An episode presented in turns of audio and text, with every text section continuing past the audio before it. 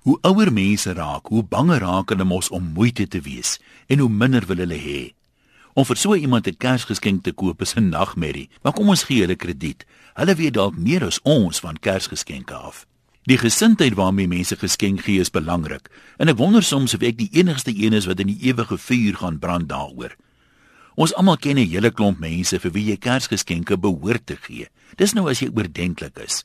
Hulle verwag dit of hulle gaan iets vir jou gee en dan staan jy verleë daar terwyl hulle in jou verbeelding vir jou sing moet ek gaan met leë hande? En dit kan tog niet nou vaar jy die winkels in om geskenke te soek maar jy het vergeet wat se gedrang dit is.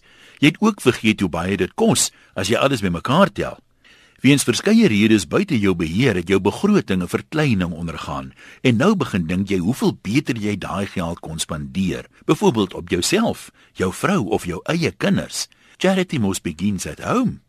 En nou begin jy die samelewing verwens wat om een of ander rede van jou verwag om oordentlik te wees. Dit werk aan nou teen jou.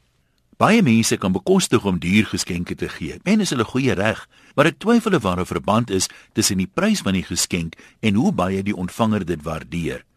Aanvanklik lyk dit so, maar dis ook maar aangeleerde gedrag hoor. Behalwe as jy 'n jong vroutjie met 'n ryk ou man is, voel jy mos skuldig en jou swak selfbeeld maak jou wys dat jy nie so duur geskenk verdien nie.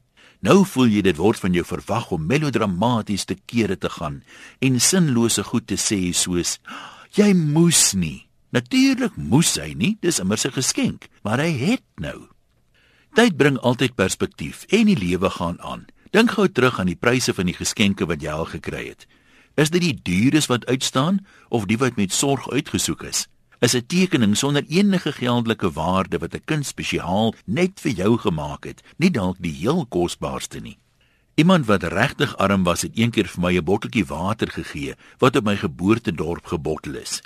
Die boodskap daarmee saam was: Ek hoop hierdie water sal jou dors les, jou nuwe energie gee en jou herinner waar jy vandaan kom. Die gesindheid is wat my bybly.